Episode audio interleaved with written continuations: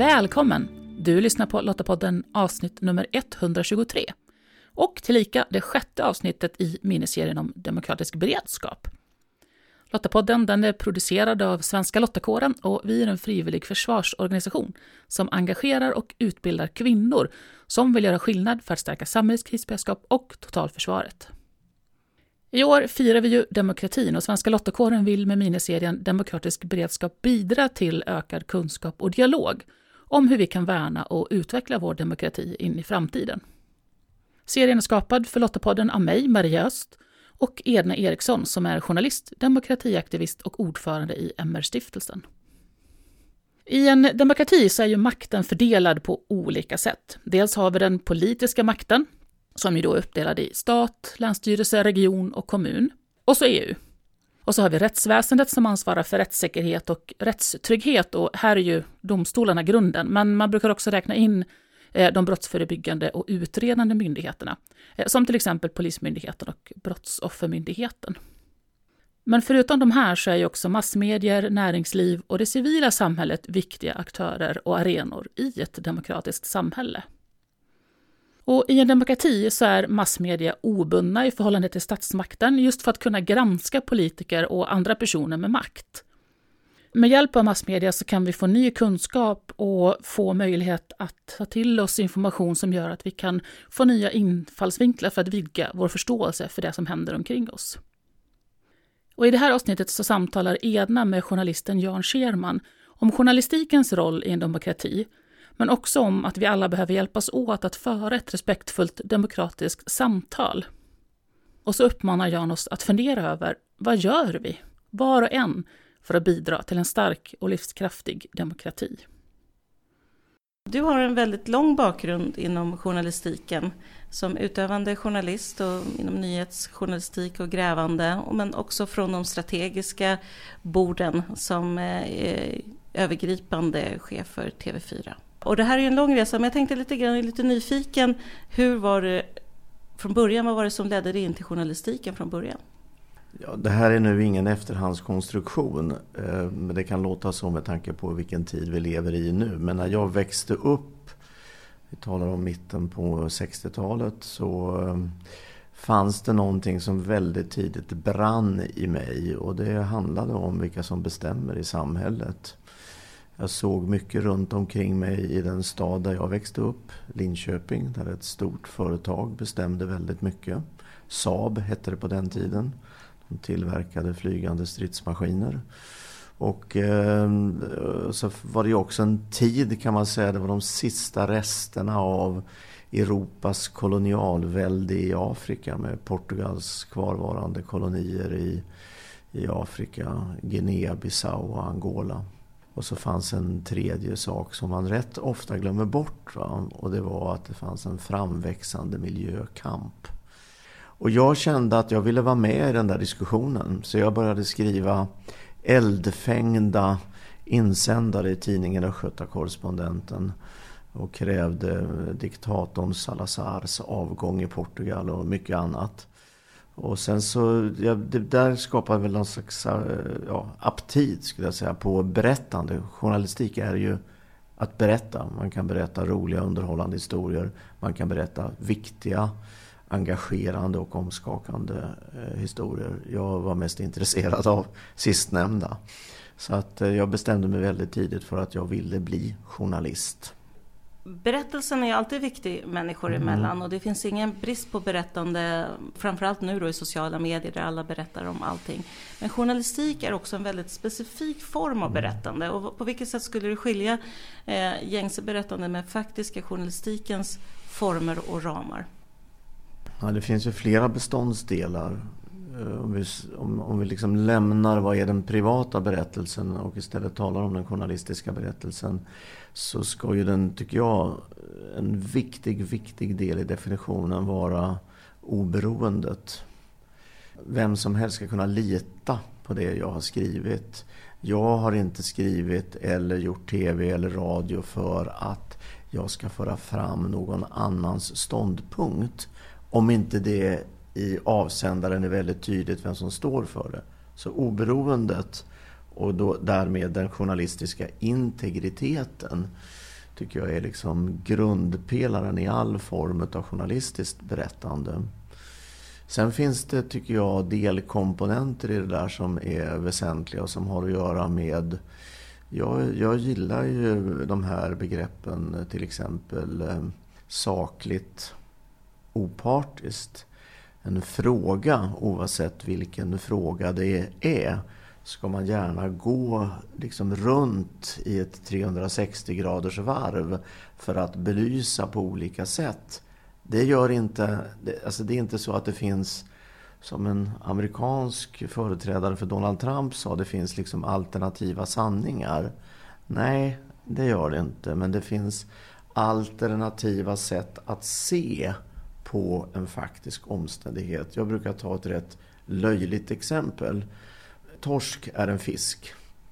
Eh, det är ett obestridligt faktum. Det är inte en människa. Det är, det är inte ett fyrfota djur i djungeln. Utan det är en fisk i havet. Men om torsken är god, det är liksom någonting helt annat. Ja, det kan man säga att den är. Nej, det kan man också säga att den är. Mm. Och journalistiken ska vara, tycker jag, det där opartiska, sakligt kritiskt granskande eh, momentet som gör att man kan se en fråga utifrån olika perspektiv.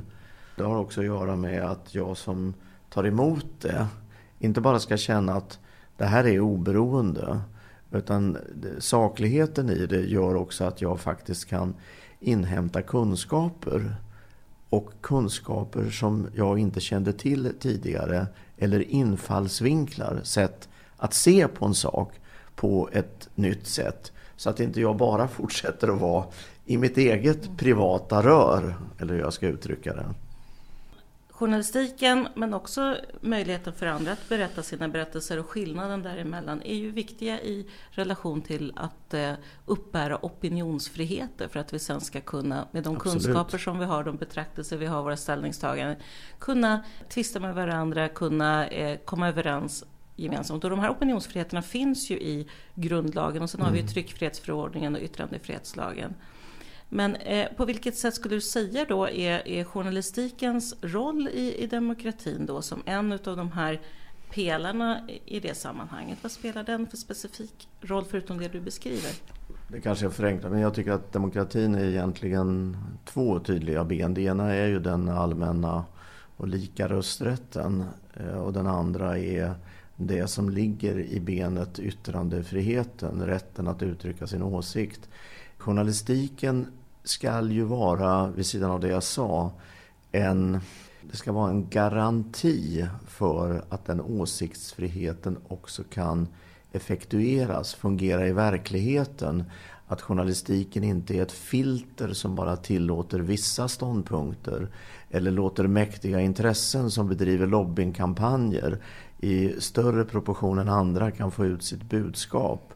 Journalisterna som individer har ju därmed ett väldigt speciellt ansvar som yrkesutövare för de blir en del av eh, demokratins innersta väsen kan man säga. Om, inte, om det klickar någonstans i minsta lilla kugghjul i det här verket som är den fria och oberoende journalistiken, ja, då har ju demokratin fått sig en liten tryckare på ett negativt sätt. Va? Och, och, det, och det där tycker jag, det, det där återfinns i stort och smått. Makthavare som kräver att i ett offentligt etablerat medieföretag få säga sitt eh, kan vara ett farligt exempel på just det här. Eh, eller att en journalist har tagit icke tillbörlig hänsyn till någonting i sitt berättande. Så att det är ett väldigt finkänsligt eh, urverk, eller vad jag ska kalla det för, som väldigt lätt kan bli skadat. Och då finns ju också den problematiken att när, när journalistiken tycker jag fungerar som bäst i, i till exempel avslöjande moment och utsätts för väldigt mycket hård kritik så kan ju det uppfattas som att ja, media bara vinklar eller media bara kritiserar eller media är bara negativt. Mm. Som om motsatsen till det det vill säga bara positiva nyheter, allting är ju vinklat och så vidare, att det skulle vara ett hälsotecken. Nej, det är faktiskt ett hälsotecken att det finns ett gnissel mellan makten och medierna och ibland också mellan folket, enskilda människor och medierna. Det är ett konfliktförhållande. För man har olika uppdrag i det demokratiska samhället som är hälsosamt. Men det där är också intressant att det där gnisslet behöver vi då. Vi ska inte vara helt överens. Vi ska inte tycka att allting är fantastiskt. Vi ska Nej. inte tycka att allting är skit heller. Utan vi ska kunna gnuggas i det här gnisslet mot varandra. För att det är där reflektionen och utforskandet och tvivlet och, och utvecklingen finns i ett samhälle. Och då uppstår ju, för det här blir ju lite finstilt i vissa eh, sekvenser, men då uppstår ju det här problemet att om medierna är en del i, den här, i det här offentliga samtalet som demokratin handlar om så ska ju även där finnas en respekt i dialogen.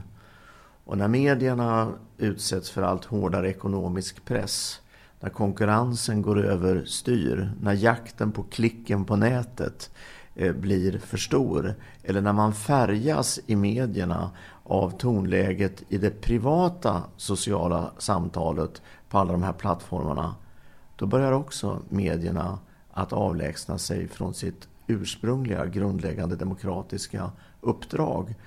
När man i ledarkommentarer eller nyhetsartiklar kallar människor för svin så har liksom någonting, jag skulle faktiskt säga, börjat gå sönder i mediernas viktiga ansvarsfulla roll för att utveckla och se till att demokratin lever vidare det finns så många olika typer utav, utav journalistik. Eh, allt från liksom den hårt granskande journalistiken mm. till sportjournalistiken så. till lokaljournalistik mm. till allt vad det innebär. Vad tänker du kring den granskande journalistikens roll i demokratin? Den är ju en av de här grundläggande viktiga sakerna. Att om makten inte, och det spelar ju liksom ingen roll om det är den självutnämnda makten i ett privat företag eller om den folkvalda i en kommunfullmäktigeförsamling eller i riksdagen som ska granskas. Där har den här oberoende journalistiken en otroligt viktig uppgift. Och det blir därmed otroligt bekymmersamt när eh, ett 70-tal kommuner i Sverige saknar en kontinuerlig oberoende journalistisk bevakning till exempel. Men jag är nog, om man ska säga, i grunden mer bekymrad än optimistisk när det gäller hur journalistiken just nu utvecklas. Därför att penningens makt är väldigt stor.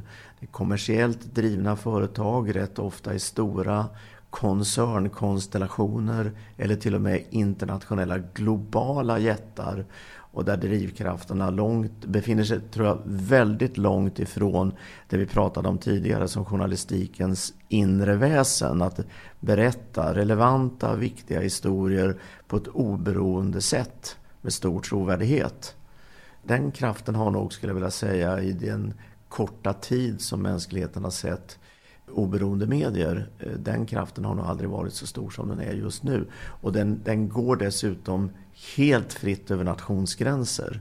Det spelar liksom ingen roll eh, för Google i vilket land som de tjänar sina pengar. Eh, ju större marknaden är, desto bättre. Och när de här dessutom då ofrivilligt, skulle jag nog vilja säga, dras in i publicistiska frågeställningar, då blir det tokfel. Eh, och det är den där hotbilden som just nu tycker jag är rätt överskuggande. Den slår emot institutioner som vår public service verksamhet i Sveriges Radio, Sveriges Television och UR. Den slår mot enskilda lokala medier på ett stenhårt sätt. Och då blir det till slut svårt för mig som medborgare att veta, vänta nu, är det här en kommenterande, analyserande text? Eller är det en granskning eller en nyhetsförmedling? När de här liksom börjar äta in i varandra och man inte riktigt förstår vad som är vad, då, då är man igen där att det tonar fram en hotbild mot mediernas sätt, vad ska jag säga, konstitution som ska gälla om man ska fungera på ett bra sätt i en demokrati. Den där dialogen som vi talade om förut. Olika åsikter får en likvärdig plats i utbudet Granskningen är allsidig, man ser olika infallsvinklar och jag kan i varje enskilt ögonblick lita på det som jag tar del av. Det där är intressant för jag kommer ihåg att jag hade ett experiment på, på Youtube där jag skapade ett nytt konto Eh, och sen så följde jag algoritmerna i rakt motsatt riktning mot mina egna ställningstaganden. Och efter bara två dagar så befann jag mig i en väldigt polariserad annan plats Aha. och fick nästan simma motströms för att komma någon annanstans. Så att den centrifugalkraft som, som sker i de här sammanhangen kopplat till nya plattformar på, på sociala medier blir ju då kommer vi inte till ett gnissel utan då kommer vi bara till ett medhårs plats där alla tycker lika, där vi radikaliserar oss själva. Jag får bara lägga till det, därför att alltså, vi lever i en tid då eh, min möjlighet som medborgare att informera mig är större än någonsin tidigare. När jag var uppe på mina första jobb i Stockholm så var jag överlycklig att man kunde gå till en kiosk på centralstationen och köpa en utländsk tidning som var en vecka gammal. Det är knappt ett halvt sekel sedan. Men det är ju ur ett mänskligt perspektiv inte särskilt lång tid. Idag är ju inte det något problem. Jag kan, var, jag, kan, jag kan liksom när som helst på dygnet gå in och se vad New York Times skriver. Det är berikande. Det skapar mångfald. Samtidigt är ju manipulationsmöjligheten större än den någonsin har varit. Jag kan själv skicka ut någonting på min Facebook som bara är påhittat och som kan få en väldig ruljans. Jag vet väldigt sällan vem är avsändare till det här. Och det där är ju oerhört svårt. Jag skulle kunna dra mängder av historier där det i efterskott har visat sig vara på något helt annat sätt. Mm. Det kliniskt exakta Gulfkriget för ett antal decennier sedan som långt senare i en Amnesty-rapport visade sig innehålla fler dödsoffer än något annat krig på en så kort tid. Men det fick vi veta ett år efteråt. Så snabbheten är en sak. Sanningen verkar fortfarande ta lite mer tid på sig. Fast vi tror att vi vet. Va? Du nämnde lite här att eh, vikten av att kunna få vara med och rösta. Att vi har möjligheter att faktiskt kunna få göra vår höst eh, hörd. Det kräver ju också oberoende och tydliga valstrukturer och, och, att vi har fria och oberoende val liksom på ett klokt sätt. Ja, att vi är informerade på ett hederligt, oberoende, allsidigt sätt så att jag liksom kan ta till mig det här och faktiskt eh, formera en ståndpunkt. Jag tänker rösta på. Och den blir ju då skadad i det här. Vi har en teknisk utveckling, vi har å andra sidan hur mycket information som helst vi kan få, men det finns också möjlighet att manipulera det. Det finns en misstro till saker och ting från individer, vilka källor man läser, och så finns det också de som misstror media totalt sett, vilket inte skapar, eh, det skapar en, en eh, bristande tillit i de här relationerna, och det är ju farligt på väldigt många olika sätt. Och till det där kommer den här eskaleringen i ordbruket om vi går tillbaka bara kort till den där tiden när jag växte upp. Då fick man en betygsbok i enhetsskolan som man tog hem vid varje terminsavslut som man skulle visa sina kära föräldrar. Inte bara för att de skulle se vilka betyg man hade utan för att man tillsammans skulle gå igenom de två sista sidorna i betygsboken som hade rubriken ordningsföreskrifter. Punkt 4 eller 5, jag kommer inte ihåg exakt vilken det var, handlade om att man skulle vårda sitt språk och undvika att uttrycka sig genom råhet och andra svordomar i sitt tal. Hyfsat eh, ordagrant citerat. Släpper man på den där, och det har vi ju gjort i vårt samhälle, eh, då börjar man demonisera eh, sina, sina medkompisar i samhället. Då uppstår skuldbeläggning, då uppstår kategorisering. Och när medierna blir en del av det då orkestreras det ju här med rätt stora trumpeter. Och då börjar vi avlägsna oss rätt rejält ifrån ett, eh, tycker jag, det liksom är, som är grundväsendet i ett demokratiskt samhälle. Respekt för varandra. Och där beslut fattas som en sammanvägning av olika intressen i ett, samman, i ett samhälle. Inte att du får rätt till det du vill till 100 procent. Och du som står där, du kan dra till en hetare plats. Men det är de ingredienserna som vi nu faktiskt börjar röra oss med, mm. tyvärr. Det påminner mig mycket om vad min pappa alltid sa till mig när jag var liten. Han, han hamrade in det här som ett mantra. Skillnad mellan sak och person. Mm. Du kan gå i konflikt med vem som helst. Men, men det är skillnad mellan sak och person. Så du ska aldrig angripa personen. Men sen kan du gå i konflikt i sak. Och det är en helt annan sak. Och det andra var så här, hålla en skillnad mellan vad du tror och vad du vet. Mm. Eh, och det är två olika saker. Eh, och jag, ofta att jag kom och liksom var, det här, så här är det. Så sa okej, okay, är det någonting du tror eller någonting du vet? Och, och, ofta fick jag gå tillbaka och försöka hitta mer data om jag skulle hävda mm. någonting annat. Demokrati är ju inte bara de formella rummen utan det är också på vilket sätt vi har konflikter med varandra rent analogt eh, över köksbordet, på arbetsplatser, i skolan. Du gjorde för inte så länge sedan en svit om eh, demokratin, Länge leve demokratin, i tre delar på Sveriges Television. Vad var upprinnelsen till, till den serien? Vad var det som fick dig att jag hade, jag, hade, jag hade väldigt länge under min tid som chef på olika sätt hamnat i många samtal med högt uppsatta personer i vårt samhälle, både i näringslivet och i politiken. Och eh, en del av de här samtalen eh, gjorde mig rätt bekymrad. Det, det handlade faktiskt ytterst eh, om demokratin. Och att demokratin inte bara var för långsam utan att den inte funkade för att den inte fattade rätt beslut. Det vill säga beslut som baserade, på den, baserade sig på den sanning och verklighet som jag, vem det nu än var, såg framför sig. Så jag kände att jag skrev mycket anteckningar och dagboksanteckningar. Så någon gång så, så jag måste berätta om det här. Så det var liksom bakgrunden. Det var bara det att när jag eh, började prata om det här med tv-bolag och med kollegor så tittade alla konstigt på mig och sa liksom vadå? Eh, det är väl ingen som vill avskaffa demokratin? Ja, kanske inte så direkt var mitt svar men det finns en djupt rotad misstro mot det här snart sekelgamla statsskicket. Säger du det? Ja, det gör det. Och jag vill berätta om det. Och då blev det lite upp till bevis. Och jag gjorde, åkte ut och gjorde några intervjuer. Och eh, det visade sig att jag, min bild av de samtal jag hade haft var, var väldigt eh, korrekt. Och så, så började det.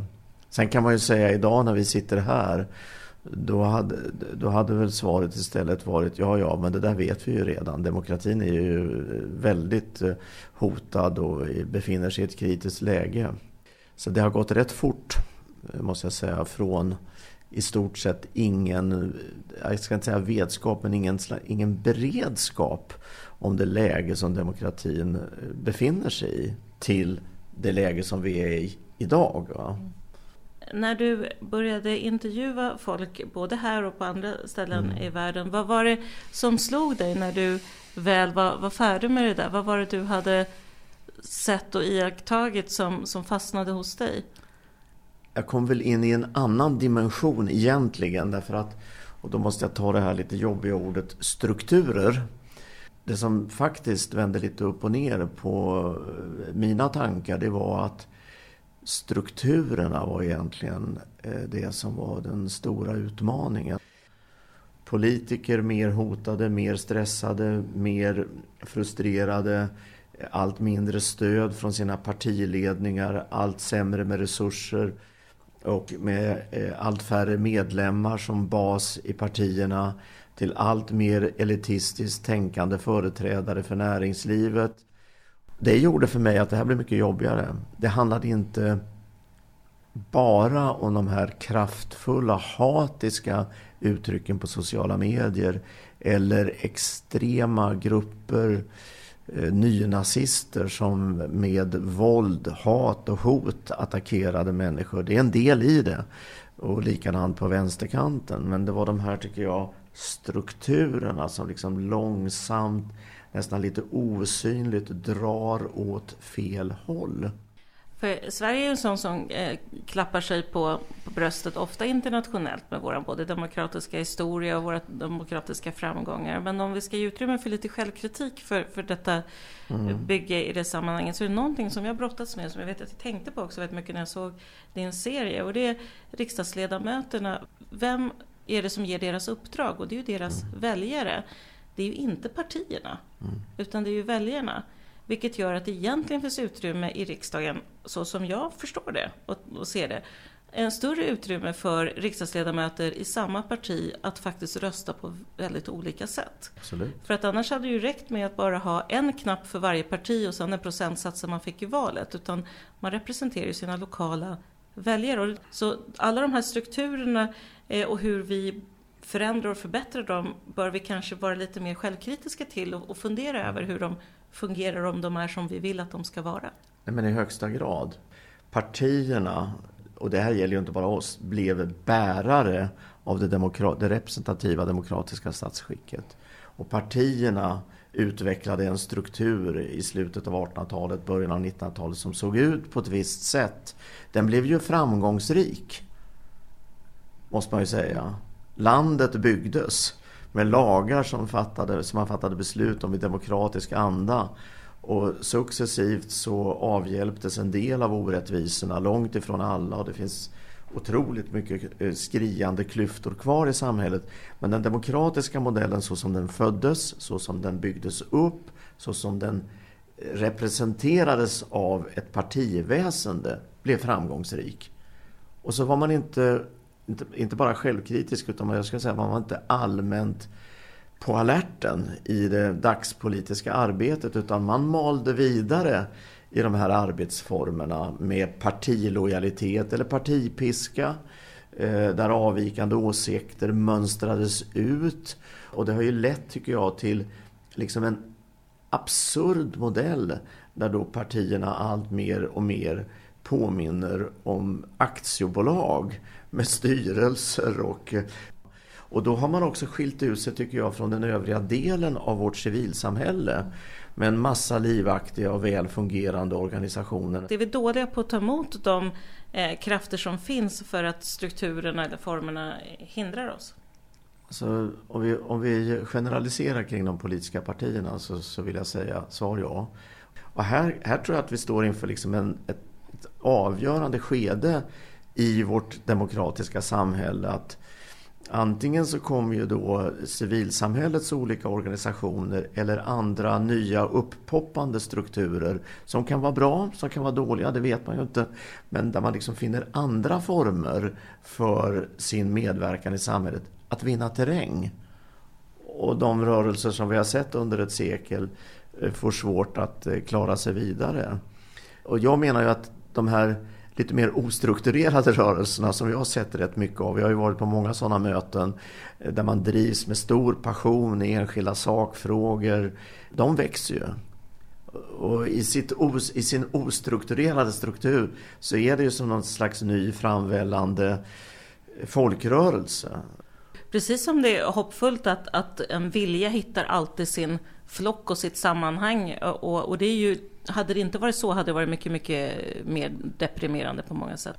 Det är fantastiskt tycker jag, därför att det visar på vilken demokratisk kraft som finns. Va? Men då får etablerade strukturer eh, vakna innan det är för sent demokratin behöver ändå det här ganska tråkiga utrymmet där vi behöver komma överens och där det inte bara Absolut. är att jag får min åsikt igenom utan jag måste brottas med de där som tycker något annat. Och då blir det ju också problematiskt om saker bara tar sig ut någon annanstans för vi behöver fortfarande de här andra rummen mm. också. Mm. Om eh, åsikterna frodas, blomstrar, eh, kommer till uttryck så var landar det någonstans? Om då eh, väldigt, tycker jag, viktiga delar i samhället inte tickar in på rätt sätt, då trycker det ut mot de extrema kanterna. Alltså det finns någonting, tycker jag, i hotet eller eh, attacken mot demokratin som är förenande och det, har, och det är den raka motsatsen till ett demokratiskt samtal, nämligen jag har rätt. Det kan tyvärr vara miljörörelsen. Det finns ju professorer som på DN Debatt har skrivit att vi behöver en upplyst despoti. Därför att demokratin är inte rustad för att hantera det här. Men vänta nu. Det får väl bevisas på något sätt. Jag tycker precis tvärtom. Demokratin är det absolut bästa sättet att faktiskt ta hand om klimatfrågan. Därför att demokratin tillåter olika infallsvinklar på ett problem som ju är uppenbart men där lösningen inte kanske är alldeles given i varje enskilt ögonblick. Frånhänder vi oss den eh, möjligheten att vara kloka, förnuftiga, väga samman, då skulle jag vilja påstå, då kan vi nog räkna med att det går eh, käpprätt åt fel håll. Va? Nu när du varit ute och rest och du ser också civilsamhället och människor ta olika initiativ. Men vad är det egentligen vi har för utmaningar framför oss? Vad är uppgiften just nu för oss för att både stärka och utveckla och skydda demokratin? Från föreningslivet till, till journalistik och politik. Om man visste svaret på den frågan då skulle man ju ha sagt det för länge sedan och det finns inte ett svar tycker jag men det, frågan är eh, otroligt viktig att ställa och sen måste man svara på lite olika sätt och det måste tillkomma många delar i det. Men jag ska ta ett exempel. Jag var och höll ett föredrag inför det som heter Mälardalsrådet som är en fantastisk politisk sammanslutning av alla partier i Mälardalskommunernas område. Det är rätt många kommuner och det är alla politiska inriktningar. Och de hade just sagt till mig, du måste säga någonting om vad man ska göra för att det ska bli bättre. Och jag har varit där många gånger och då brukar jag börja med att säga, du måste faktiskt i den tid vi lever nu ställa en fråga till dig själv. Vad gör jag för att demokratin inte ska gå ur tiden? Vad är mitt bidrag? Och det sa jag till de här 500 politikerna som satt där och jag sa ni kan inte hålla på längre och skylla på att jag fångas upp av en massa möten eller jag dras in i en massa diskussioner som gör att inte jag får någon tid över. När jag var börs-VD för TV4 så höll jag på att gå under efter några månader. Tog då min papperskalender som det var på den tiden tillsammans med den person som hjälpte mig att hålla ordning på tillvaron. Och så sa jag varje vecka så ska jag ha en halv dag då inte jag har några möten. Då det bokas inte in ett enda möte. Varje dag när jag kommer till det här kontoret så ska jag försöka gå en omväg till min arbetsplats. Så att jag får se mer om hur det är. Det här låter ju jättelöjligt när vi pratar om demokratin. Men när jag säger det här till de här politikerna så säger jag, ni måste själva bestämma er för om ni varje vecka ska gå ut och fika eh, på ICA eller Waynes Coffee eller vad det nu är hos er. Det är ert beslut. Det är inte någon annan som ska ändra någon struktur. Och så räknade jag upp ett antal saker till när man är på fredagsfesten eller när man är i något annat offentligt sammanhang och någon säger nu får det väl vara slut på alla de här invandrarna som kommer och tar jobben ifrån oss. Vad gör du då? Vad gör du då? Säger du, hallå, du jag hörde vad du sa. Jag håller faktiskt inte med dig. Jag tycker att det är på det här sättet. Jag förstår din oro och din känsla, men kan vi inte prata om det? Eller låter du bara den repliken rinna förbi? Ja, i 99 fall av 100 så är det ju så. Men då har du någonting att göra. För jag tänker inte stå här i talarstolen och tala om här är tio regler, här är tio idéer för hur vi ska återfå en väl fungerande och vital demokrati. Du måste faktiskt börja fråga dig. Och det spelar ingen roll om du kör taxi, om du kör buss, om du står och monterar bildelar på Torslandaverken eller var det nu är någonstans numera. Eller om du jobbar på eh, ett sjukhus, vårdbeträde eller läkare. Du måste själv fundera över vad gör jag? För den här frågan, den avgörs inte här uppe i de stora sammanhangen. Utan den avgörs i vardagslivets enkla möten människor emellan. Så jag måste faktiskt bestämma mig. Oavsett vem jag är, oavsett vilket jobb jag har. Och alla kan göra något. Och jag tänker också så här att, att, eh, att det är också vi som tillsätter politiken. Absolut. Så vill vi att politiken ska bli annorlunda, vill vi att formerna ska bli annorlunda så ligger det också i våra händer att, att göra det och att vilja det, att, att forma det. Men jag kan ju ta hembygdsföreningen igen. Den hembygdsföreningen stod ju också inför ett val. Och det är viktigt att man har sammankomster och pratar om hur man ska skydda och vårda de olika lövängar, skogsområden, eh, hus, minnesmärken, arvet, det historiska, eh, även jobba med skolfrågor, jobba med bussförbindelser, järnvägstransporter och allt vad det är, både nutid och dåtid. Men de gjorde ju också ett annat val. De sa att vi ska göra en manifestation för att visa att vi tycker att alla människor har lika värde. Att de som kommer hit av olika skäl också har rätt till en plats här. Därför gör vi varje år en ljusmanifestation på den stora sjöområden som ligger precis vid, den här, vid det här samhället. Det var ju ett val. De kunde ha avstått. De kunde ha sagt att det där är ju inte vår fråga. Men de sa, det är vår fråga. Och det kokar faktiskt ner till mig som individ. Är det min fråga när jag hör något skitsnack vid fikabordet på jobbet? Ja, det är det ju. Har jag inte sagt något så har jag på något sätt lämnat tribunen till en annan typ av argument som jag egentligen inte delar. Men det är faktiskt inte okej okay att sen gå ut efteråt och säga till polaren, hörde du vad hon eller han satt och sa där? Det är ju för jävligt. Men varför sa du inget för? Det där är tufft. Det där är mod på riktigt tycker jag. Och det är en av lösningarna för framtiden. Det finns underskott av väldigt mycket i vår tid. Jämställdheten är långt ifrån uppnådd. Den, det skriar av ojämställdhet. Men i bolagsstyrelser och i ledningsgrupper och i fullmäktige församlingar och var helst vi går så finns det ett rätt stort underskott av mod. Jag brukar faktiskt citera Torgny Segerstedt, den gamle modige chefredaktören på Göteborgs Handels och Sjöfartstidning som var en av de få som faktiskt i offentlig skrift gick emot nazismen och eh, Hitler under, under andra världskriget. Han skrev en vacker fras.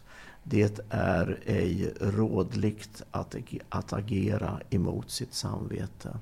Så du får faktiskt börja lyssna på vad det sägs här inne. Och när du hör att det där eh, gillar inte du, då måste du faktiskt eh, säga det.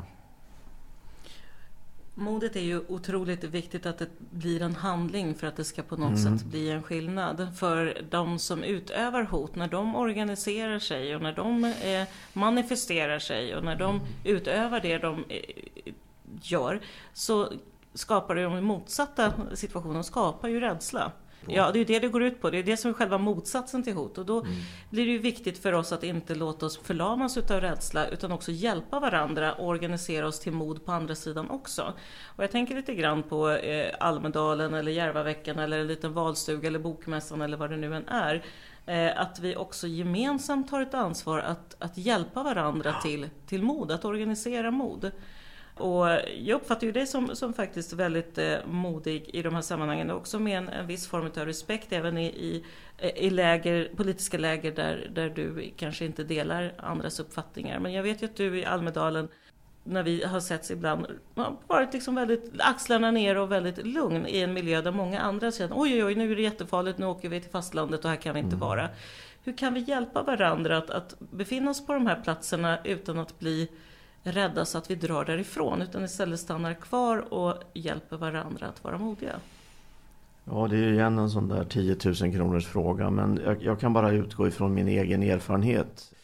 Och eh, jag tycker att eh, många gånger så, eh, så handlar det här om hur man själv skaffar sig vanor i det vardagliga. Mötet på jobbet, en fråga hemma eller en fråga på fredagsfesten. Och när jag har mentorskap åt mentorer och coachar så kommer oftast den här frågan jag, jag har den här idén men jag vet inte om jag vågar framföra den. Eh, nu är vi en bit ifrån demokratin, men vi kommer dit. Va? Och då brukar jag ställa en motfråga. Ja, men okej, vad är det farligaste som kan hända om du ändå säger den här idén till din chef? Ja, hen kanske säger att det var en dålig idé. Tja, men då tycker jag att du ska säga idén. Och den, den frågan tycker jag man ska ställa sig i varje sån här situation. Och när man lär sig, eh, eller man hittar ett beteende, men det är ju inte farligt. Och, och bara, hallå, jag har en åsikt här. För det är ju då som man också får lite mer, lite mer mod i de här jobbiga situationerna. Det är klart att jag funderade över vad händer när jag kliver in i nazisternas tält och börjar fråga dem om eh, hur blir det med demokratin och hur blir det med mig och min fru. Men så kände jag samtidigt att ja, vad kan de göra? Här finns ju massor med människor omkring.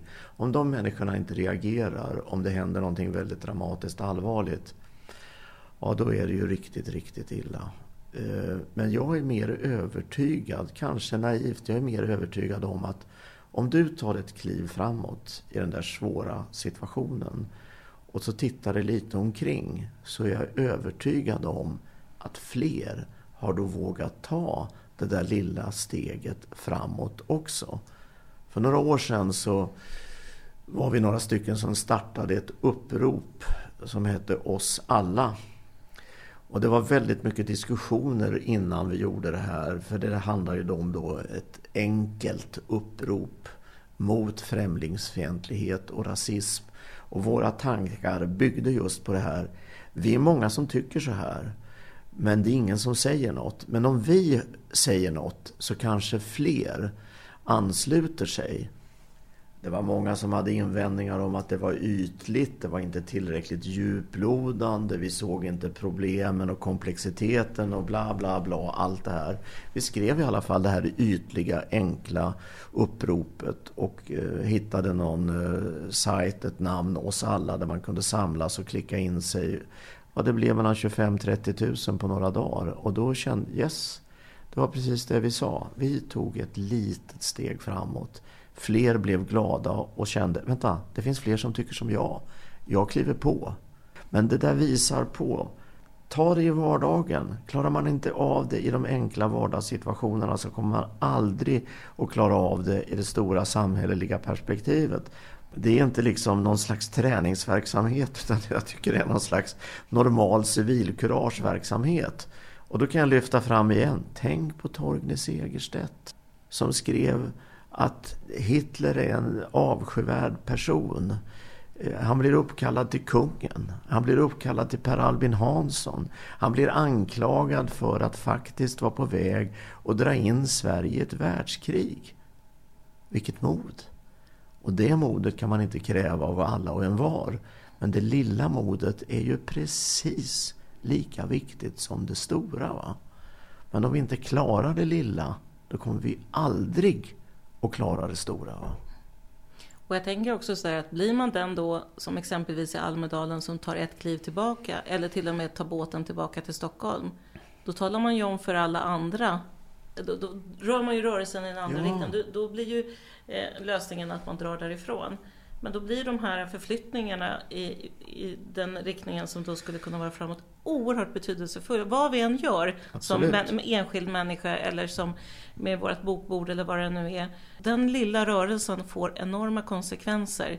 Eh, och därför bör vi kanske begrunda mer vilka steg vi tar och hjälpa Exakt. varandra om man nu känner sig skräckslagen att ta det där steget framåt. Ja, men då får vi väl vara några till. Jag tyckte det var roligt med KRIS i i Almedalen eh, som faktiskt var de som tog några steg framåt och också gick runt till de som var rädda och bara ställde sig i deras tält, gjorde inget speciellt utan bara var där. Vilket också var ett steg. Det här är ett lysande bra exempel tycker jag. Därför att precis det som uppstår då när några terroriserar en, tycker jag, en demokratisk mötesplats.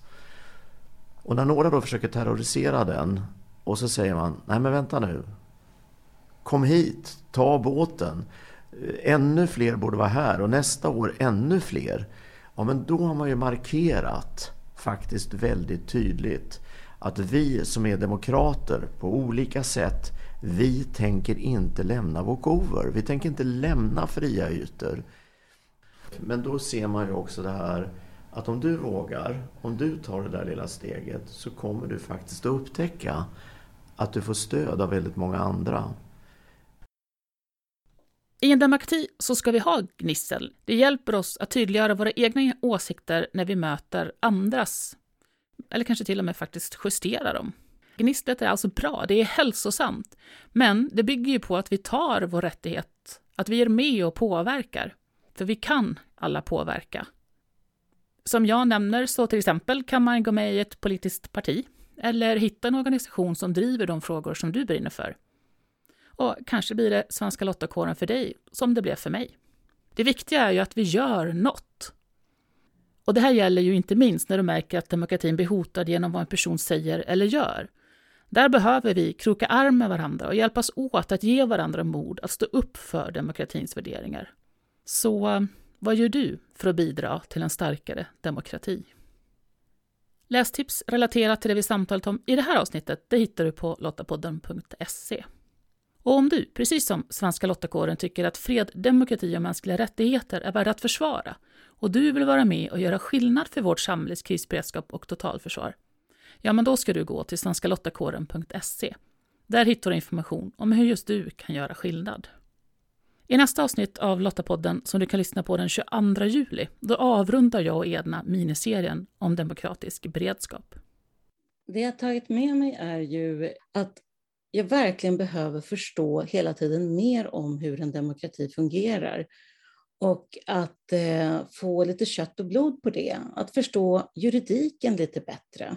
Att förstå spelreglerna för en demokrati och vilka principer det handlar om. Vilka hot som finns men också hur de här spelreglerna de facto ser ut. En personlig reflektion är ju också att vi är väldigt många som bryr oss om vår demokrati. Så om du inte redan gör det, prenumerera på Lottapodden så du inte missar nästa avsnitt. Du hittar podden bland annat i Apple Podcast, Podbean eller på Spotify. Och om du gillar Lottapodden, berätta gärna för andra om den. Och om du använder en app där du kan lämna en recension, som till exempel Apple Podcast, gör gärna det, så hjälper det fler att hitta till podden. Och tack för att du lyssnar. Hej så länge!